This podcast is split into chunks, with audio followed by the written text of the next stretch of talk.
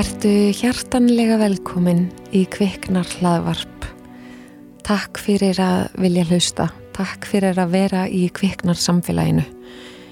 Í dag spjalla ég við hana Tinnu Dögg Guðlögstóttur. Um missi. Þetta er erfiður þáttur en ótrúlega mikilvægur. Og ég er mjög og svo innilega þakklátt af öllu hjarta fyrir að tinnaskildi vilja deila söguna sinni með okkur. Og ef út í það er farið allar sögurnar sem að þeir hafi deilt með kviknar bæði í hlaðvarpi og Instagram samfélaginu. Ómetanlegt að finna að við erum ekki einn en í dag hún tinna.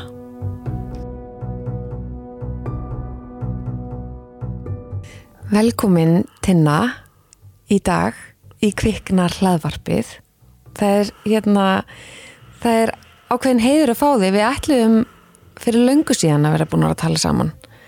Og, og svolítið núna þegar við hérna fengum okkur kaffi fyrir, fyrir viðtalið að þá er mitt fóru aðeins yfir það að þú varst einhvern veginn bara ekki tilbúin þá, þú helst, þú værir tilbúin til að tala um missiðinn en, en fegst eitthvað svona ákveði bakslag Uh, já, það er alveg rétt, einhvern veginn sko, þegar maður lendir í svona áfællum þá fer maður svona ósarrátt í eitthvað svona survival mode. Mm -hmm. bara svona fyrst og eftir og, og vikurnar.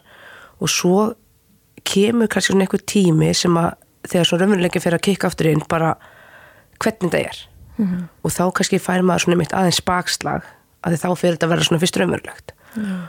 og svo kannski er mér sett hvað það tekur langa tíma og þetta kemur þetta bara í svo í bylgjum, þú veist með líðan og annað en svo kemur kannski að því stíi eins og sorginni skipti að þú veist, maður vil halda áfram og þetta er kannski það sem ég langar að gera að tala um þetta ef kannski þetta gæti hjálpa einhverjum öðrum mm -hmm. það er svona alveg það Se, Segðu mér hvað hva kom fyrir?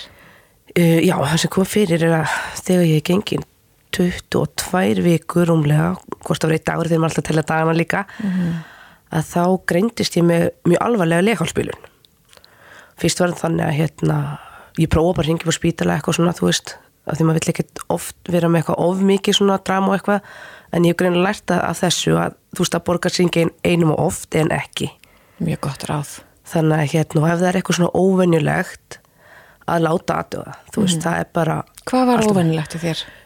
Mér fannst ég alltaf vera á klósetinu bara mm. alltaf, þú veist, bara á tvekja þryggjum fresti bara endalust og þú veist, jú, ég var ekki gengin lengra en þetta var ótrúlega skrítið. Kannski meira hefði búist við í svona enda meðgöngu. Mm -hmm.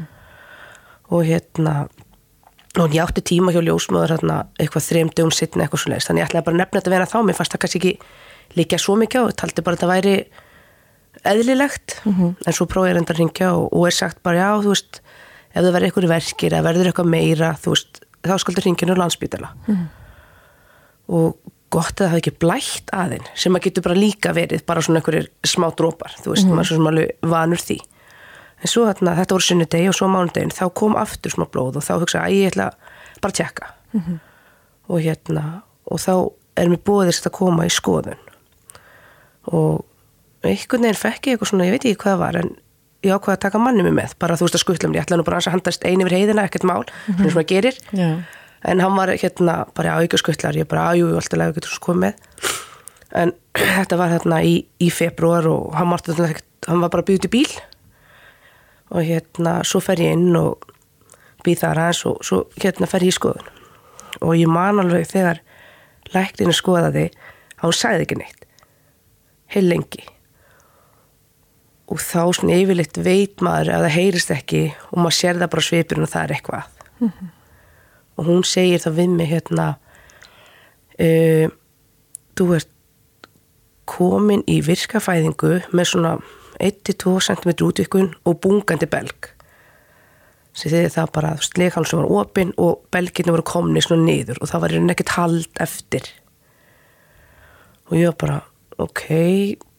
Þú veist, fekk ekkert áfallan eða það var bara já ok, það lítur hægt að laga það bara eins og mm -hmm. það er yfirlt allt hægt einhvern veginn. Mm -hmm en svo hérna ringi ég manni minn og hann kemur og þau útskýra svona fyrir okkur hvað þetta þýðir. Og það verður raun þannig að ég bara fer ekkert heim, ég er bara innilegjandi og hérna að því ég var ekkert búin að missa vatni eða var ekkert svona meira í gangi þá ákvaði bara að halda mér inn og sér satt hérna sængukonadeildinni. Eða konadeildinni, já, eða þannig allavega.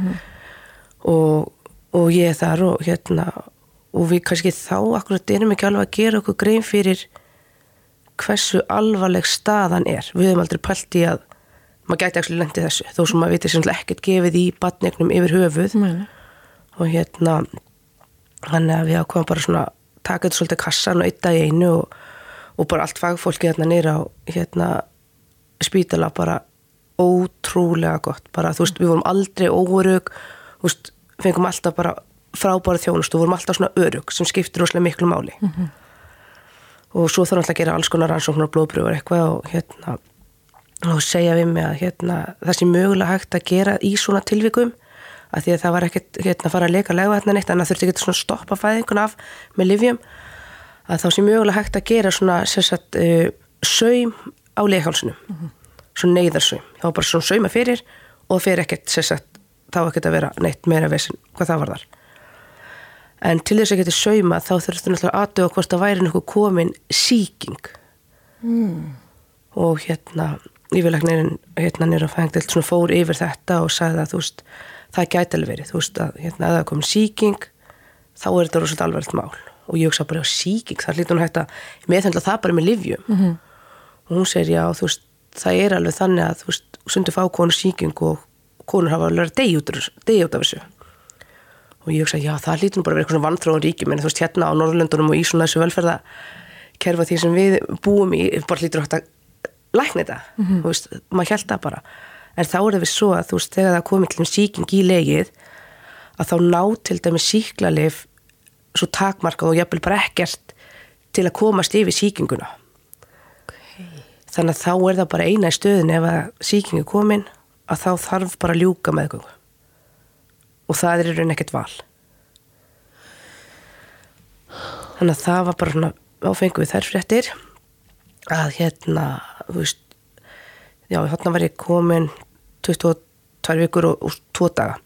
Þegar sérst svona lítil börn og ég vil frekar kalla þau að stígi börn frekar en fóstur, ég veit ekki, það er bara eitthvað sem mér finnst, mér finnst þú bara miklu meira bann og hérna og það var eitthvað svona, okkur var svona hugugir hær með bara vikur að kalla bann en ekki fóstur, mm -hmm. bara eitthvað sem okkur spilra. Ég held svo margar líka bara mæður uh, sem mann alltaf vilja egnast börn, þar kalla barnið sitt, barnið sitt alveg frá því að það eru pissa breyk sko. Já. Þú veist, alveg sama hvað læknavísindin segja að Já, og eitthvað svona lagaskilgreiningar, þú veist, þá bara, var þetta, þú veist, bara barn. Mm -hmm. Og það er skilgreining þegar sér sagt börn, eða, eða þú veist, læknir segja fóstur, eru komin 22 og 5 daga, mm -hmm. þá sérst má í fyrsta lagi, eða má, þá er í fyrsta lagi hægt að gefa sérst stera til að styrkja lungun ef þau fæðast svona stemma mm -hmm. og það hafa börn, ekki mörg en einhver, mm -hmm. hafa fæðst svona stemma mm -hmm. og bara lifað af og átt ágættis líf en í þessu tilfelli þegar það er komin sérst síking og þau eru svo ofslega lítil og allt viðkvæmt að þá er kannski ekkert svo mikið hægt að gera uh, allavega það var þarna morgunin sem við vorum þá var sástgrænilega á blóðpröfum það var að byrja að myndast eitthvað síking þegar ég átti sérst að fara hann að neðasömin og þau vildu svona aðeins skoða það og aðtöku hvort hún gengið tilbaka eða þú veist hvort þetta væri bara svona byrjun, byrjan, byrjandi hérna á síkingu mm -hmm. og hérna ok, við tökum þessu fréttu bara af aðra leysi og bara ætlum bara að taka í dag einu og gera þetta vel sem við gerum og svo hérna ég man ekki hvort það var á degi tvö sínleikinni þá verða þannig um kvöldmataleitið þá verði allt innu svona rosalega veik bara, bara nánast upp úr þurru bara verði fárveik bara fyrir að skjálfa og fæ bara rík upp í hita og fyrir að leka miklu meira legvatn mm. og fyrst hugsa ég ok, ef ég segi ekki neitt þá kannski bara fatta það ekki einhvern veginn maður held maður geti þessu en þú veist það var alltaf verið að taka lífsmörg af og til og auðvitað náttúrulega þú veist hafaðu myndið hafa fattað á séða og þá var ekkert annað í stöðinni. Þá var bara, voru við drifin upp á fæðingagang og ferli sett að stað. Og svo er það þannig að já, fyrir þess að nýju mánuðum áður við lendum í þessu þá eignust við stelpu. Þannig að eldri dóttur okkar var bara heima nýju mánuða tæplega. Þannig að við vorum svona alveg fersku minni hérna hvernig allt ferli væri og, og ég var svo stressu þetta væri vomt og að fá mænu deyfingu og þú veist bara já, vildi reyna að gera þetta eins auðveldra fyrir. Mm -hmm. en svo bara gekk þetta rosalega vel og hérna hún fæðist já, bara eftir klukkutíma. Og fæðist rauninni sítjandi sem við hérna vissum ekki þá og maður skrítið að þú veist þegar hún loksist kemur að þú heyrir svona lítið tíst eins og um ús að við vissum ekki hvort þú myndi fæðast lífandi eða hvað. Og við spyrum bara e, er þetta hún? og, og læknum við bara já og, og setjum hann upp á, á bringuna. Og ég hef bara aldrei séð svona lítið bann, maður búin að reyna að googla þú veist fyrirbúra en maður sér það aldrei almenlega að þeir eru alltaf í slöngum og, og svona. En þetta er bara skrítið, þú veist, þú maður bara pínulítil, næstu jafn þung og hérna svona smjörlíkastykki mm. og var bara pínu, pínu lítið batt, þú veist, ég hefði bara ekki trúa því, bara maður vissi ekki betur og var ekkert búin að vera pæli eitthvað í því. Og það var hérna búið að fara reyndar vel yfir okkur áðun allt þetta gerist frá sérsagt hérna nýburalæknum á vökudeild, þú veist, sem að var viðstættu fæðinguna og við vorum svona spáið, þú veist, ef við mögulega hefði verið gengin eitthvað lengra, þú veist, blæðingarna verið eitthvað, þú veist, hvort það væri hægt að áður allt fóru stað, hvort það væri hægt að gefa mér stera bara í forvarnaskinni, þú veist. Mm en það var ekki og, og það sem manni finnst svona eftir á higgja þú veist, þegar hún komið batni í fangið og það er rosalega veikt og að, þú veist, eins og svona nýfættu börnum þeir sem að eiga börn, við það er svona svo góð líkta það var ekki það, hún fann alveg það var bara allt síkt, það var bara vondlíkt okay. þannig að það var svona fyrsta. Og svo hérna þú veist gera slutinu svo rætt og það er svo tími bara eitthvað fljúi áfram í þessum aðstæðum. Og ég man að hún komin á, á bringun á mér og, og hérna, við erum rosa leið og sorgmætti við stöðinu en, að, en á sama tíma erum við ótrúlega svona þakklátt og já viðst, við hefðum ekki við, já, ég hef ekki viljað að gera eitthvað öðruvísi bara vera svæfð og hún tekið mig keisara þú veist. Mm ég held að þetta sé eitthvað svona ferli, eitthvað lífæðlislegt að, að gangi í gegnum fæðinguna af því að það er ótrúlega fallegt ferli og magnað í rauninni. Það er það sem ég fyrst og þó svo útkomin hafi verið þessi þá er þetta einhvern veginn samt það sem ég hef ekki vilja að fara á misvið og ég man að ég horfi á sérsett læknin og, og spyr hana bara og náttúrulega hágrátandi bara er ekki tægt að gera fyrir lítið stelpunum mína? Af því hún var bara lítið batt skiluru með lókaugun og komið svona stökt hár og bara allt alveg tilbúið. Náttúrulega átti hefði þetta vera fjóru mánu, leng, fjóru mánu lengur.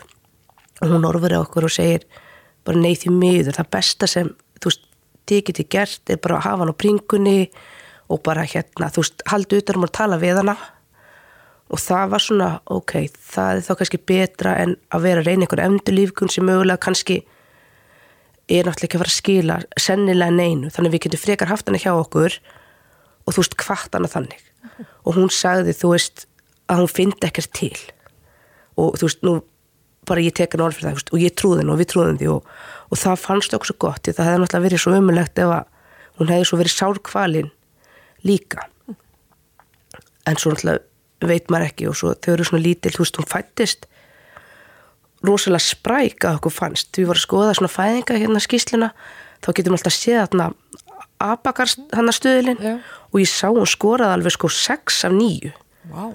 og ég held að þú veist, það væri bara ekki takt og væri svona lítill og, og máttlaus mm -hmm. en það er greinilega hægt en að samanskap þegar hún fæðist þá andar hún. Hún andar og gefur frá sér hljóð og svo reyfi sér bara svona lítið, það er allt náttúrulega rosa svona þú veist, hægar reyfingar Já. en hún er alveg með maður sérlega hendunar reyfast á munnin og svona. Þannig og það fannst okkur svo ótrúlega magnað. Og hérna en það eins og ég þá fjara svona fljótt undan. Hún verður svona máttlausari en ég man ekki þú veist, hún fæðist hvað kort er yfir 11 og svo náttúrulega þetta er búið þá þarf náttúrulega blessu fylgjan að fæðast mm -hmm. en hún var einhvern veginn pikkföst og það var bara gekk ekkert að, að fæða hana eða ná henn út og ég var fann að missa svo mikið blóð á þessu tíma og það var búið að gefa mér allar sprauti sem var hægt var til að reyna svona hægja á ferlinu og gefa okkur meiri tíma með henni mm. en svo hérna þegar hún stella hérna er farin að sína svona alltaf sé farin að síga í setna endan hjá henni þá er sérst farin með mér bara á skurstofu og ég bara svæfði og, og klára að sækja fylgjuna mm. og mér fannst svona þetta er útrúlega skrítið og, og hérna, mér fannst svona einhverju tímpúti, kannski ég var dætt út af ég hafa heitt hana. Þú veist, kannski fór hún þá. Og þú veist, það þótti mér útrúlega væntum þú veist, ef það var það og ef það var ekki þú veist, þá var það bara það var þín tilfinning. Það var mín tilfinning og svona alls konar svona hlutir sem var svona já, notar sem manni finnst bara einhvern veginn hjálpa. Og svo þú veist eins og með svona þú veist nú eigum við sér satt hundarum hundarækt og vorum með sér satt gótt í januar og það voru sér satt tvær tíkur sem fættist nema hvað önnur deyr bara strax eftir fæðingu. Mjög sorglegt og allt það. En svona ég hugsa alltaf ok, þú veist þarna á stella til dæmis lítinn kvolp þú veist á himnum ótrúlega svona batnaleg hugsun og svona en einhvern veginn fannst okkur það og svona móður hjarta því ég er svo mikið hundakonna mm. það svona gerði ótrúlega mikið fyrir mig mm -hmm. þú veist ykkur áuruglega að hrista hausnum bara fyrst að segja en þetta var að hjálpa mér mm -hmm. eins og svona skrítið á það er en svo hérna uh, já er ég bara að flutta aftur en þannig er á hérna fæðingadeild til þeirra og ég er svona einhvern veginn að vakna til lífsins aftur og, og það er, þú veist ljósmaður sem var með okkur, hún var bara algjör himnastindi, hún var svo nærgætinn og góð og útskilt einhvern veginn alltaf því að þær eru öllu vanar, þú veist þetta starfir eru mjög erfitt hvað það var það þú veist það er ekki alltaf bara gleði það er líka svona erfitt eins og þetta. En við fengum að hafa hana hjá okkur alveg í eitthvað tíma í svona kælivöggu sem er bara mjög gott því að þau eru með fljóta styrna mm. svona sem litli kroppar og því ég þurfti að vera inn í einhverja tvo sólarhinga hitalus áður ég mátti vera heim sem ég fannst ofsalega erfitt með lítið bann heima þannig ég var í rauninni bara viðþórslaus bara vildi komast aftur heim mm -hmm. en Lendiki var allavega svo að, að við fengum að fara yfir sjúkrahótelið og fengum að hafa stelpuna þar. Mm, sérst þess að nýjum ána og svo fór ég bara yfir á hérna yfir á fæðingdeildin til að fá síklilega annað. Og þar var stella bara í hérna svona kæluvöku og ég gæti þá, þú veist, haldið á henni og þannig að við þurftum ekkert að kveði hana alveg strax. Og svo þóttu okkur líka mjög væntum að því vorum hann inn í tvo daga að fóröldra okkur sískinni gáttu komið og veist, fengi að hitta hana líka. Já. og ég held svona og, og sýsturinnar þessar eldri sem eru 16 og 14 og ég held að það hafi skiptur svo miklu máli fyrir þau líka bara svona upp á tilvist hennar, þú veist, hún var mm -hmm. og er til mm -hmm. þannig að það er svona en svo einhvern veginn kannski er það öðruvísi þegar maður er með annað svona lítið batn að þá fór náttúrulega bara svolítið hugurinn og það ég hugsa um þessa nýjumána sem að kannski að mörgu leiti bjargaði okkur og svona geðheilsunni eða kannski slóði á fresta við fórum að, að sér ekki almenlega að hugsa um þetta en, en, en hvað sé þýluðu þá var það bara ótrúlega gott að hafa hann heima við og svo auðvitað stóru stelpunar mm -hmm. þessi eldri það var búið að taka mikið þrek og tára að koma henni heiminn og svo lóksins komst henni heimi með hérna hjálp læknavísindana mm -hmm. en nú stella okkar, hún kom öllum að ofur þú veist það var bara búið að segja okkur að við ættum ekkert eftir að geta eignar spöld sjálf eða án aðstöðar mm -hmm. og svo bara gerist eitthvað, þú veist, kannski okkar tilfelli þegar við vorum bara hægt að hugsa um þetta eða mm. þú veist fara bara að pælu, já, við vorum á þryggja mánu þegar ég var ólegt aftur að hérna, en það var bara frábært, þú veist, það var bara aðeinslegt, það hefði verið, þú veist, ára og millið þeirra, mm. öruglega erfitt en þú veist, alla daginn held ég þessi verði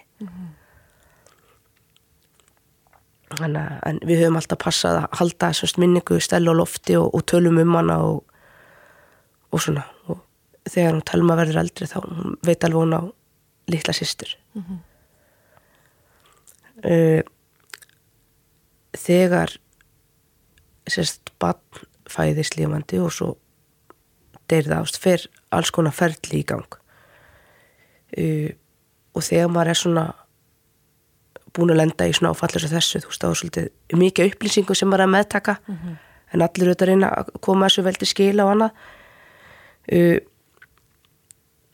við ákvaðum að fara með hana sjálf með okkur heim mm. þú veist, að því vanilega faraðu bara í líkúsið og, og svo kemur útfara þjónustan að sækja mm -hmm. En einhvern veginn vorum við bara eitthvað, við tökum við með okkur að því að við ætlum að fá útfara þjónustan sjálf að því við búum þar og fannst það bara eðlegt og hugsaum bara að við fyrir bara með hana, þú veist, við erum hvað sem er að fara hana mm -hmm. og svo mann ég þegar ég var að koma að sækja hana því að mátti bara annað fórildri fara því þetta var náttúrulega í miðu COVID mm -hmm. að þá var sér satt var búa, búa svona, eða voru að búa um hana í svona litlum kassa fyrsti kassi var svona bara eins og snúðakassi mm.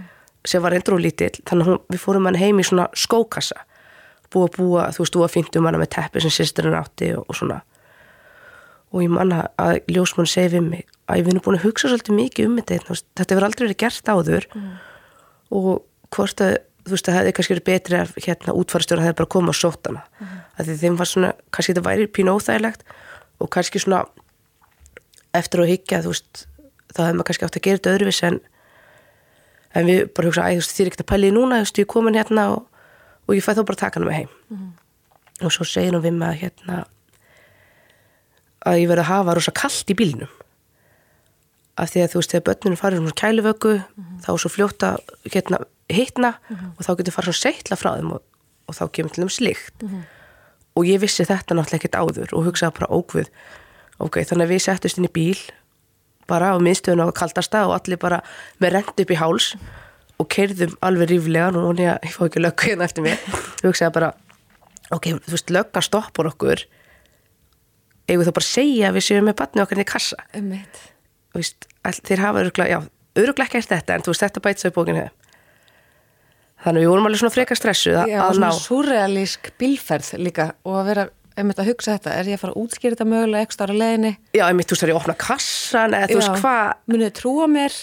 Já, þú veist, mér fannst þetta pínu skríti og svona hálf astanlegt en, en og, við komumst klakklust heim og, og, og hérna og gátum kominu á, réttanstæði mm -hmm. En er þetta, hvað er þetta mörgum dögum eftir hún fæðist? Vá, þetta rennur svo hérna, saman Þetta rennur saman, mm -hmm. við fórum með hana það voru svona tveir dagar. Þetta hefði ekki verið á sunnudegi, já. Jú, það voru sunnudegi. Held ég fyrir ekkert mánu, jú, sannlega bara sunnudegi. Og svo þegar þú veist það er, þá er þetta í rauninni ekki búið því svo þarf að jarða. Já. þannig að það er ótrúlega skrítið svona að fara svo hitt að útfæra stjóra og fara að velja sko ykkur blóm og þú veist hérna lög eða sálma. Mm -hmm.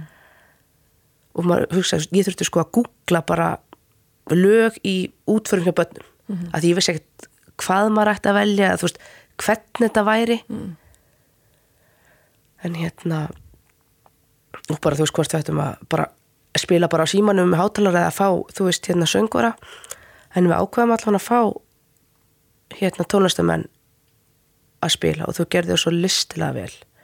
Hún unnubyrna og hérna maðurinn að sjöger bara að, mér fannst að hafa bara gert í erðaförunum, það gerði ótrúlega mikið mm -hmm. og veist, lögin sem völdum sem ég svona hafi kannski fundið til en andri hafa nú kannski ekki svona mest hugmyndu flugið en þú veist, svo vorum við sammál um það og við höfðum hann einhverja tvo, þrjá daga og við gerðum það svona, við hlustuðum á þessi lög bara svona til að vennjast þeim og svo líka þú veist, ef við skildum bara heyra þau eitthvað starf, mm -hmm. að maður myndi ekki brotna niður þó sem maður veit aldrei hvernig eitthvað svona triggerar maður, mm -hmm. en þarna allavega, þú veist vorum við búin að æfa okkur mm -hmm.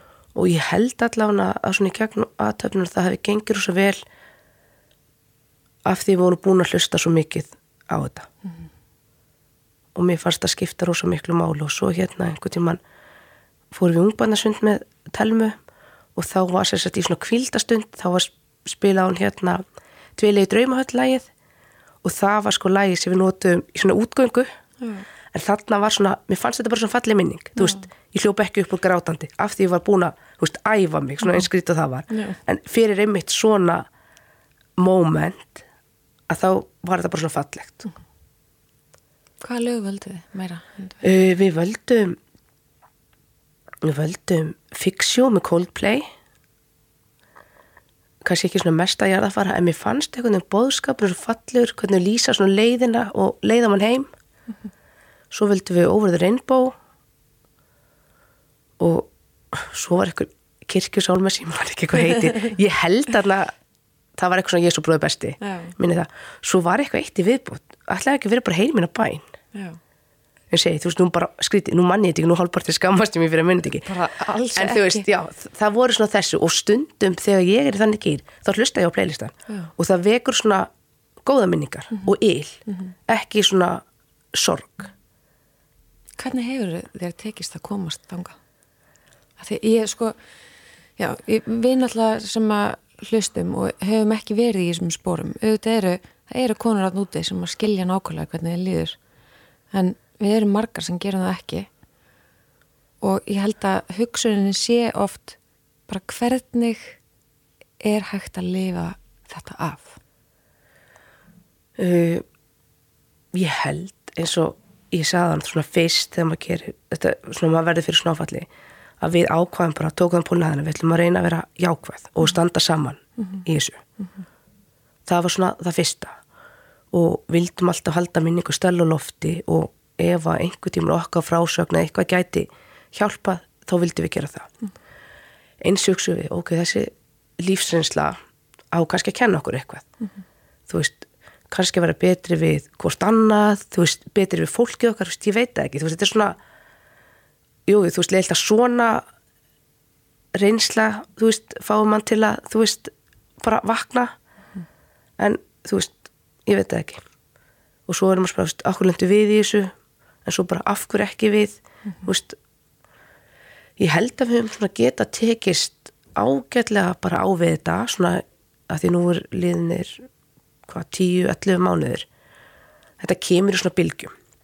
Og svo er það nú eins og hjá fólki að fólk svona sirgir mismunandi. Þú veist allavega þú veist fyrir mína parta, þú veist, þá fannst mér bara betra að vera að seima við, þú veist, drómi einhvern veginn svona úr öllu eins og ég gat, en samt svona finnst mér voða gott að hitta fólk en gerði kannski svona að sminnaði maður minn aftur á móti, þú veist, hún er fannst gott að hitta vinni sinu svona, og það er bara frábært því að það er ekkert eitthvað svona ein leið rétt, fólk þarf bara að fá að díla við þetta sinn hátt og kannski svona mikilvægast og sem ég kannski beindi fólk sem lendur í þess að að gefa hvort öðru bara space til að þú veist, sirkja á sinn hátt. En það er svona gríðarlega mikilvægt bara eins og öllu að geta að tala saman. Mm -hmm. af því ég held svona að þú veist ef að pör og hjón svona geti ekki tala saman lengur þá er komið svolítið óefni þú veist, ef við getur ekki talað um makaðan þú veist, hvern getur þá að tala við þannig að þetta er svona sem við höfum svona einsett okkur að, að hafa allavega náttúrulega að tækla þetta og reyna að vera jákvæð mm -hmm. þú veist, þó að takist ekki allt og þá koma dagar þar sem allt er ómulegt mm -hmm. en svona enga sér þá held ég svona heilt yfir að að við séum alveg ná að takast alveg snakkuð við þetta ég meina, lífið heldur áfram og, og það hendur í okkur alls konar verkefni sem maður verður bara að taka takast á við mm -hmm. og svo sem ég segi, við erum með stórt heimili, við erum með tvær úlingstelpur og svo litlu sem er núna 17 mánuða og hund, þannig að þú veist það er svo nóg að gera mm -hmm. þannig að þú veist, já sem að kannski allavega hendar mér vel því að ég finna alveg að stundum ef ég hef kannski ofur mikið tíma eitthvað líka upp í sofa að hugsa mm -hmm. Að þá fer svona hugurinn áfullt mm -hmm. en ég held samt líka samanskapi að það sé nöðslegt Já. svona fá að vera svona eitt með sér og hugsa um þetta en svona stundu því skoða myndir af en annað þá svona endur upplifa maður þetta svolítið og það kannski svona er að tryggjara mest svona mm. gerir mann leiðan eðlilega mm -hmm. en við allavega munum komast svona yfir þetta og, og veist, þetta breytir alveg þú veist það verður ekkert alveg svo var áður. Þú veist það er alltaf fyrir og eftir en með tímanum, jú, þú veist maður læri svona að lifa með þessu. Mm -hmm. og það er alltaf ekkert sem myndi koma í staðin fyrir stelu og, og veist og við myndum ekki, þú veist, vilja hafa slefti að hafa upplifað þetta. Nema kannski að þú veist hún hefði bara fæðstur eftir tíma og, og gengið vel. Og því það er náttúrulega ekkert gefið og svo eins og með svona þú veist þegar þau fæðast svona mikið fyrir tíman og, og mögulega komið síking og, og þú veist þau hefðu lifað af að maður veit ekkert hvernig þeim hefði reykt af þú veist hvort bara hennar lífsgæð hefðu orðið þannig að það hefði bara verið ótrúlega erfitt og þú veist, maður er kannski ekki ekki einhverju öndla stöðu þó maður hefur verið ansinn álátt því að hugsa bara hvort þetta hefði þannig verið, henni fyrir bestu. Mm. eða hvort að þú veist hún hefði lifað orðið eða þurft að þjást sem er alltaf miklu örfæðara það er svona alveg það einmitt hún hefði verið bara verið þannig að það, bara lífið hefði verið einn þjáning. Og það er kannski ekkert líf í rauninni. En varðast aldrei reið? Nei, veist, ekki reið af því ég veit ekki að hverju reiðin getur mjög beinst. Kannski fannst þetta óréttlátt. Já. og svo fer maður alltaf að hugsa þú veist, hvað gerði ég, þú veist, þegar ég ætti að sleppa að í sund þarna þennan daginn eða þú veist, var það því ég var eitthvað, þú veist, lappa mikið með hundin en svo það er ekkert þessi luti, þetta er bara eitthvað sem gerist. Þú veist, og það er ekkert vitað, sko, eins og það verður svona síking sem kemst inn í legið, það er ekkert vitað hvort það var síkingi sem allir því að leghálsin byrja að opna sig eða hvort leghálsin opnaðist og það kom síking þannig að það er svona og, og kannski náttúrulega skiptir ekki öllum máli ef að niðurstaðan er þessi að, að þú, þetta er eiginlega svona, það er ekkert vitað. Þannig að en svo var ekkert endilega mitt vitað, það var stutt sér njátti síðasta barn hvort að þú veist álagið hafi bara verið og mikið. En þú veist marga konur eru eiga stutt á milli og allt í lagi. Þú veist, mögulega voru við bara óheppin hvað þetta var þar. En er það ekki erfitt að vera ekki hérna inn með svona 100% svör? Jú, það er mjög erfitt í mig þar sem ég er mjög svona kassamanniski og það er bara svör við öllu og Já. þú veist þannig að þetta skilur mann eftir svolítið í svona lausu lofti. En það er í rauninni já, það var ekkert hægt að segja. Þú veist, við vildum ekki láta krifjana þú veist, og búið upp á það. Að því þú veist, við töldum að það hefði bara verið borlíkjandi hvað gerist þú veist, hún hefði bara fæðist mikið fyrir tíman bara vannþórsku lungu og það hefði bara verið orsökin. Hins vegar kom svo í ljós eftir svona skoðun á fylginu því að hérna ég var komið það mikla sýkingu sem að var sko þriðastík sýking sem vist mjög mikil á eitthvað svona mælikvarða. Og það var í rauninu bara allt síkt sem gætt síkst. Ok.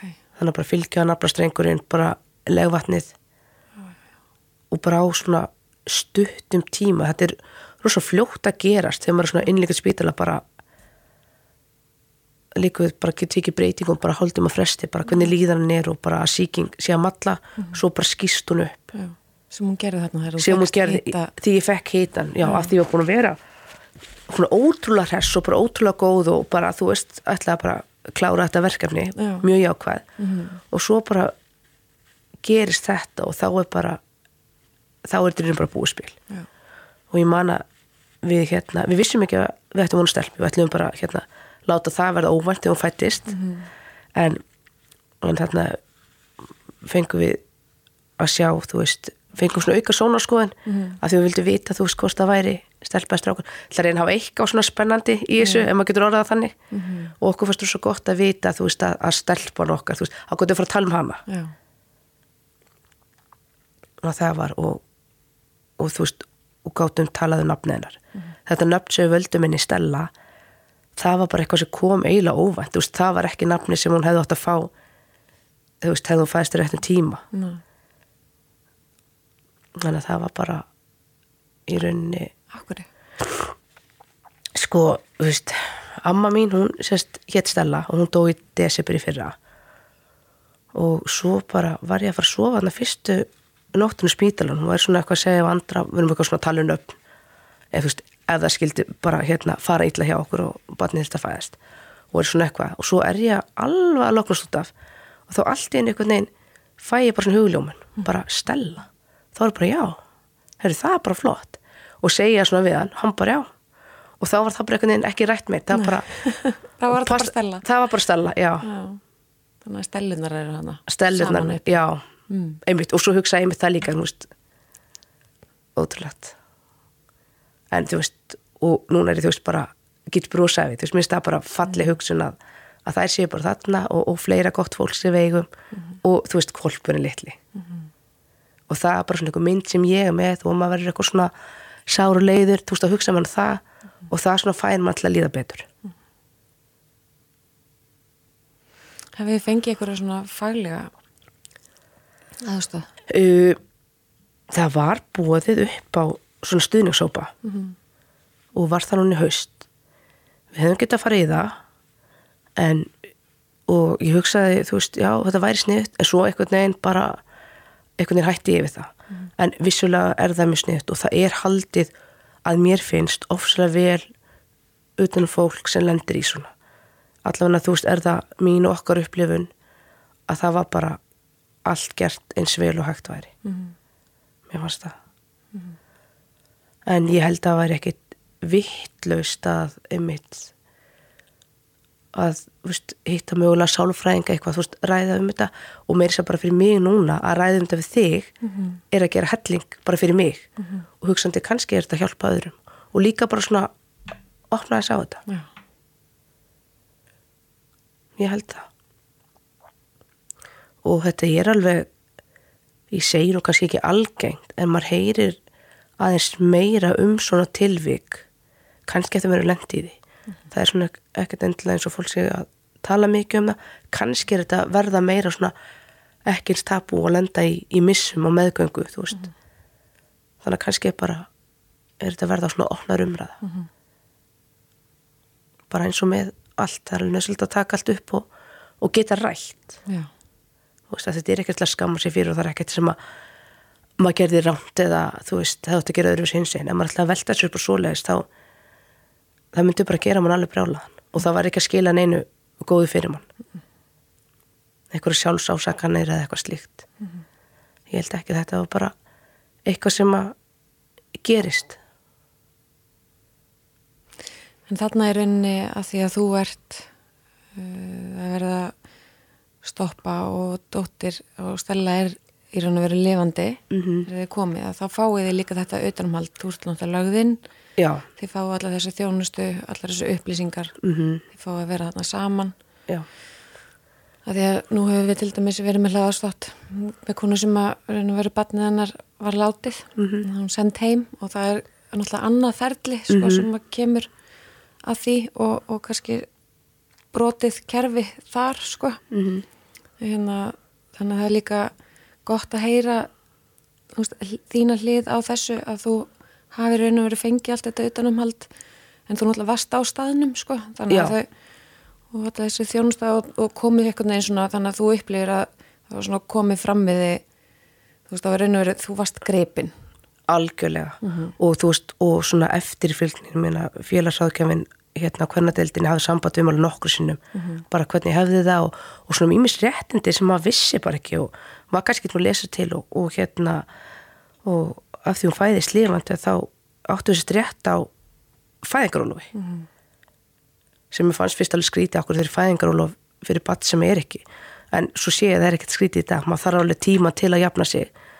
En samt kannski hvað þetta var þar að ef hún hefði fæðist látin þá hefði við fengið þrjá mánuði. En af því hún fæðist lifandi þá fáum við fullt orlof.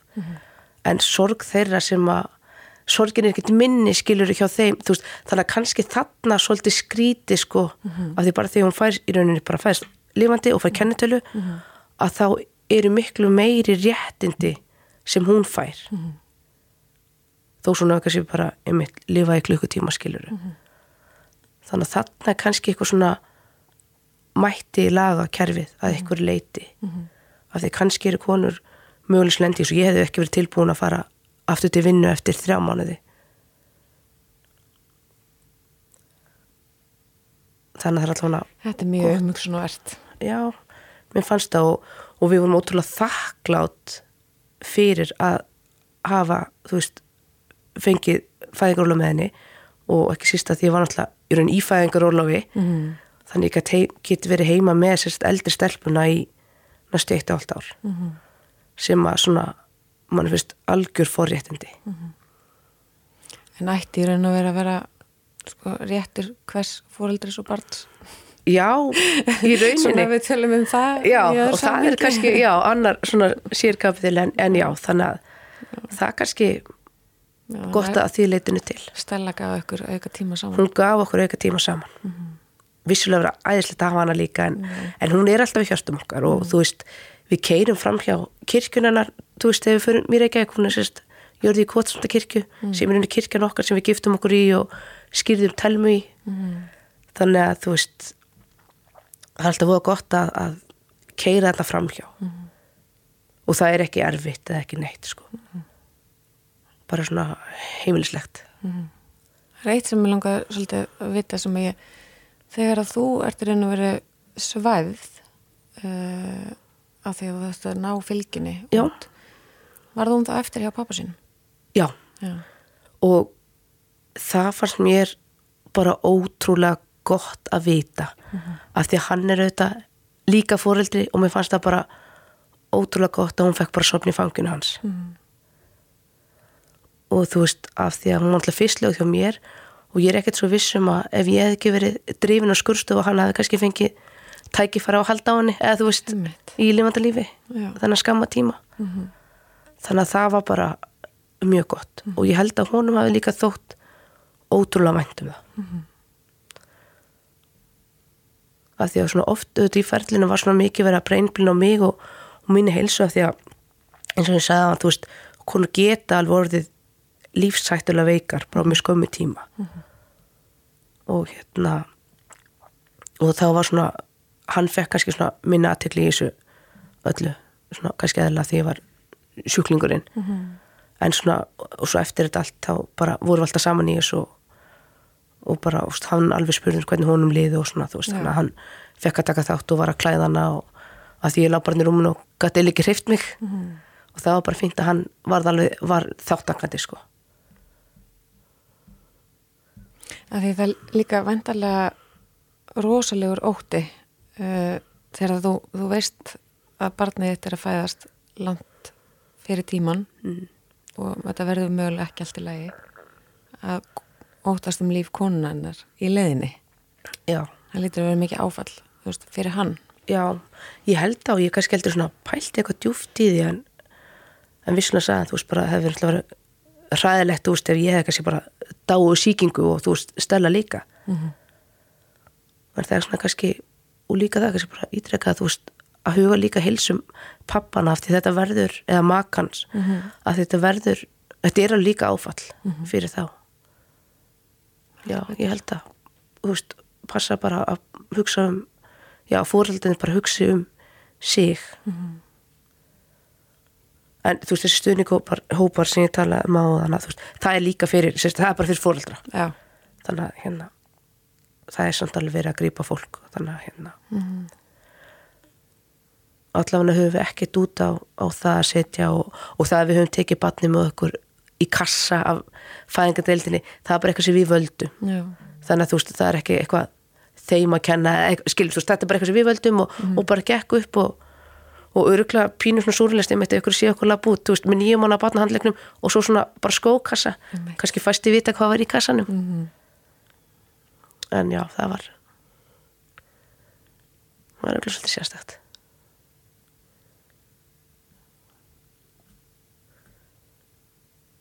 en ég vona samt bara að einmitt, þessi reynsla kannski gerir manna betri mannsku þú veist, þó var ekki um bara það sem kæmi út úr því, þá hlýtaði samt að vera sér þó svo þetta sé umulegt og, og maður hefði að sjálfsög vilja að þetta hefði farið á allt annað veg að, að þá kannski kannski kemur eitthvað gott úr þessu. Það er allan svolítið það upplegið sem ég hef með þess að Mér heyrist þú allavega svona með að við ímis atriði sem þú ert búin að vera að nefna að þú, þú virðist svolítið innblýna á að sjá eitthvað fallegt í litlum hlutum sem að sem að svona hjálpa þér að lifa með þessu. Já, þú veist, ég var ekki alltaf svona jákvæð og svona, þú veist en jákvæð bara, þú veist í þessu að reyna að breyta rétt. Þú veist, reyna að finna fegurðin litlu hlutunum. Og þú veist, vera kannski sjálfur nógur og ánað með það sem maður hefur. Ekki, þú veist, alltaf vilja eitthvað meira. Eins og maður getur mögulega svona glemt sér í einhverju lífsgæði kaplöpi eða einhverju svona. En svona aðeins að staldra við og, og hugsa og, og njóta, þú veist. Þú veist, við höfum alveg rætt, þú veist, við eigum við eigum alveg gott líf þú veist, þó að það hafi verið hundleðilegt og erfið reynsla en þá bara höfum við hvort annað og, stelpunar okkar og og veist, við þurfum bara að vera ána með það. Ég, ég held að Hvernig myndur þú ráðleggja fólki, þú veist, í kring, bara svo, ekki bara, ekki bara, þú veist, í raun og vera bæði fjölskyldu og, og vinum og svona, en líka bara, kunningum, skilur, að, að nálgast einhvern veginn þetta, veist, það er bara þegar það hittir þið, veit hvað kom fyrir, en hefur kannski ekki hitti, þú veist, hvernig, hvernig, ég held að fólki eigi oft í vandra með, þú veist, hvernig það að láta því að fyrir að má það segja eitthvað eða... ég get alveg ímynda verið að einmitt að verið þeirra spórum að hitta manneski sem er að sirkja barnið sitt maður, einmitt, veit ég hvað maður er að segja. E, fyrir mína parta finnst mér bara að gott að fólk bara segi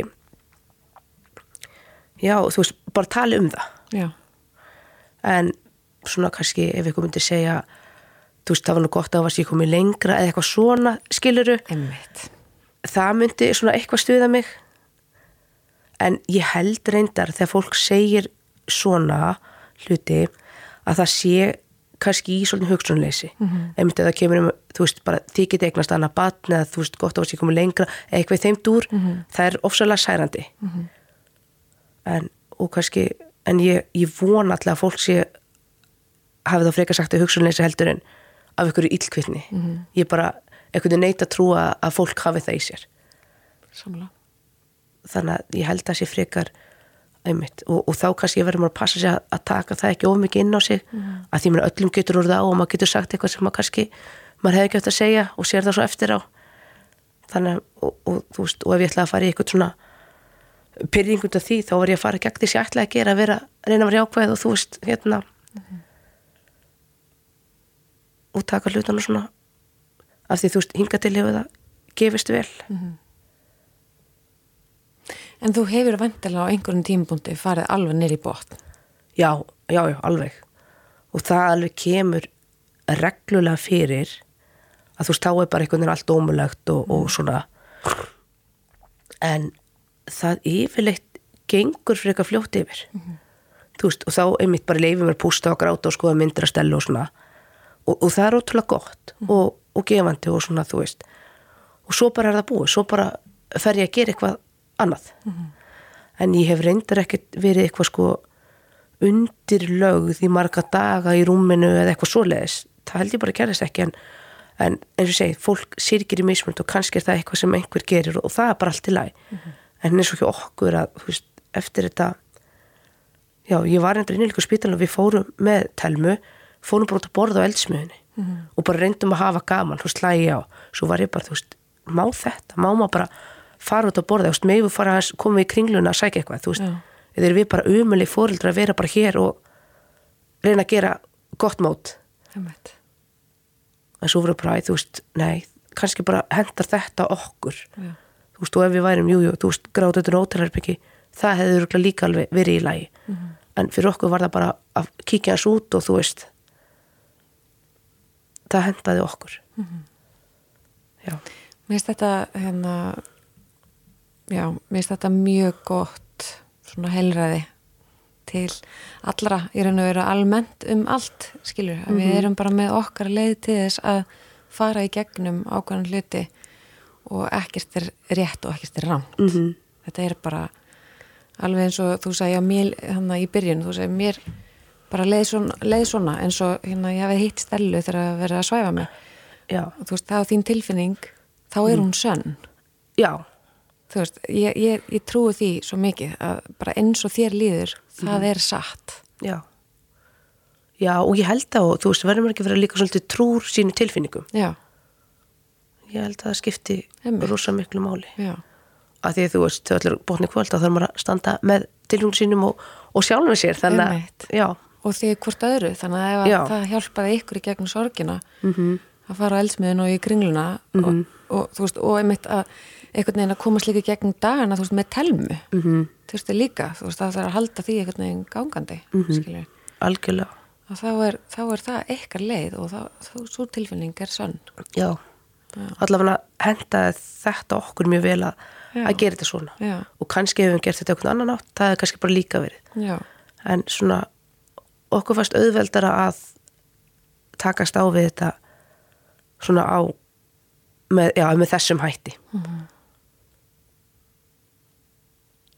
Og líka bara ekki síst bara fyrir eldri stelpunar og þú veist og maður kannski gerir sér ekki alltaf grein fyrir að þú veist þegar krakkarúðin er svona stórir úlningar að, að þú veist þau verður þetta líka fyrir ákveðnu missi og maður þarf alveg að þú veist geta staði líka í lappinu og verður staði fyrir þau. Þú veist er á svona þessum svona erfiða úlningsaldri svona ómótaðar og, og eru kannski ekki alltaf að segja manni hvernig þeim líður eitthvað þannig að maður þarf svona geta skynja það og vera vakandi fyrir því þetta er líka vissulega erfitt fyrir sískinni já.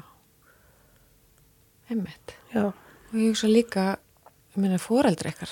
Já, veist, að bæði náttúrulega að missa barnabarn, mhm. en líka að horfa á sín eigin börn gangi gegnum svona mikla sorg. Já, já, einmitt, það gleymist einmitt líka, þú veist, með, já, fóreldramanns og sískina, vissulega er þetta líka sorg fyrir þau. Já, og, þú veist, og öruglega mikið og, og hún segir, þú veist, það er öruglega erfitt að hérna horfa upp á börni sín í einhver svona, þú veist, maður veit að bara sjálfur með börni sín eða eitthvað svona smarri vandamál, eitthvað skildi eitthvað út undan, mann finnst þetta pínu leðilegt, skilur mm -hmm. og, og ég tala ekki um að vandamálinu er stærra og meiri, sko, að þú veist, fólk, fóreldra verða vantilega svo berskjaldar, sko, mm. þannig að já, það er alveg þetta er þetta er voða mikið svona sorg í kringum þetta en, en fólk það er náttúrulega og þá held ég sem mitt skiptur sem miklu máli bara að fólk stendur saman og, og talar og já, ég held að Mm. og allavega eins og okkar tilviki að við eigum gott bakland og bara mjög þakklátt fyrir það. Og, og það allt, þú veist, bara bakland okkar og, og bara staðan okkar í dag er líka bara að hjálpa þú veist þannig að við vorum kannski bara ágætis kandidatar í þetta verkefna að eiga að geta kljást við. Já, þú veist, kannski ef einhver sem var í verðistu ekki geta dílað við þetta. En svo veit maður að það, þú veist, það er ekkert vera eitthvað að velja sérstaklega, en þú veist við fáum bara alls konar verkefni í lífinu, þú veist og þetta er breytt að því og, og svo getur það breytt okkur til frambúða, þú veist, reynsla kenni manni það er svona ýmislegt, ég menna lífið er aldrei eitthvað klift og skorið eða svart og veist, það er bara svona alls konar hlutir eins og þekkin sem að bara gefa því einhvern veginn lit. Mm. ég, ég held að er eitthvað samtök sem að hægt er að leita til fyrir þau sem að tengja við þína sögu og hafa mögulega ekki já, kannski bara séð í gegnum sorgina að, að leita sér hjálpar? Sko, mm, ég veit að hérna gleymir ei, glemir ég, ég mitt þú veist, þau hérna, það er svona alveg þá, sérstaklega ekki svona eins og á Facebook síðan þeirra. Og þar eru svona alls konar hópar. Mm. og þar er alveg mikil stuðningur og, fólk þar inni. Og kannski þú veist núna, þú veist, mér finnst það henda og maður svona, kannski les reynslusur annar eða fólk er í bjöður á það, þú veist, eitthvað svo les og það er bara ótrúlega gott þú veist, maður er ekki einn í þessu, þú veist, þetta hefur komið fyrir ofta áður og því miður mun koma örgla fyrir, þú veist þetta er bara svo lífið þetta. Þetta er ekkert eitthvað að fara en það er bara spurning hvað stuðning fólk hefur og, og hvernig það vinnur úr því. Ég mitt Já. og ég er ótrúlega þakklátt fyrir söguna eina tinna. Já, og, og söguna eina stelu já, og ykkar allara hérna he, he, þú veist, ertu opin fyrir því að einhver hafi sambandi við því eða vilja spjalla? Bara endilega þú veist, ef þetta geti mögulega hjálpa einhverjum Mhm. þá er það bara mín var ánægn Já. það er bara svo leis þetta er eins og í svo mörgu öðru að, að vera ekki einn í sínum upplifunum og tilfinningum að við getum bara tengt við hvort annars sama hvort það er um þetta í gleði eða sorg það mm -hmm. skiptir bara öllu. Já, og mitt að alla tilfinningar eigi rétt á sér. Já, það þarf vel að bara vera svolítið þannig að þú veist mann má líðill og mann má vera gladur og þú veist, það er bara allir skalin einhvern veginn og, og þetta er bara svona eins og svolítið öldur og þetta fer alveg upp og niður og þú veist, út og söður en svona maður bara já, sér svolítið stöðu bara í gegnum það. Að þetta, þú veist þetta verður skára, þú veist og þeir sem kannski hafa nýlega, þú veist, lendi í þessu eitthvað, þú veist, ég veit að dagarnir eru svartir og þú veist kannski langa ekki fram rúmuna eitthvað þú veist, bara sérð ekki tilgang með neinu. En þú veist, þetta verður betra. Og ég bara, já, ég trúi því þú veist, og þegar ég var svona já, ég veit ekki kannski nokkru dögum setna eitthvað, þú veist, það var enda svona órumverulegt þú veist, maður fattaði þetta ekki alveg en svo bara svo kemur eitthvað svona vendipunktur þá fattar svona ekki, þetta er þetta er bara staðan. Þetta er raunveruleiki minn. Þetta er raunveruleiki minn, já og meiri sér þegar við komum heim á spílum þú veist, þá var ég bara, þá var bara batnandóttum allt svona lítið og ykkur vakkin í herbyggi sem að því ég var búin að kaupa hana eitthvað. Og litli fötin, en það eitthvað neginn var ekkert að tröfla með að tryggjara mig. Svo veit ég ekki hvort að mögulega ef ég hef verið kannski komið nær sett um degi að það hefði þá verið erfiðara. Af því þú veist, hún var, hvað sem er ekkert að fara verið í vöggun strax að nota þessi fött þannig þú veist, það þurfti ekkert að vera búið að fjarlæga það og þetta var alveg í marga mánuðin herbyggi mm. fannst ég ekkert þurfa eitthvað að taka þetta var ekki, þetta var ekki að trubla mig. Þannig að það var bara ég segi fólk þarf bara að fá að gera þetta á sínum hraða og, og bara eftir, já, sinni hendur sem Takk innilega, elsku Tina já, og takk fyrir mig bara Já, takk kærlega fyrir að hlusta og þið hafið samband við hana tinnu eða gleymir ei ef að þið hérna, já, eigið sögu að segja að það viljið deila eða leita til einhvers sem að getur skilið ykkur. Takk fyrir í dag.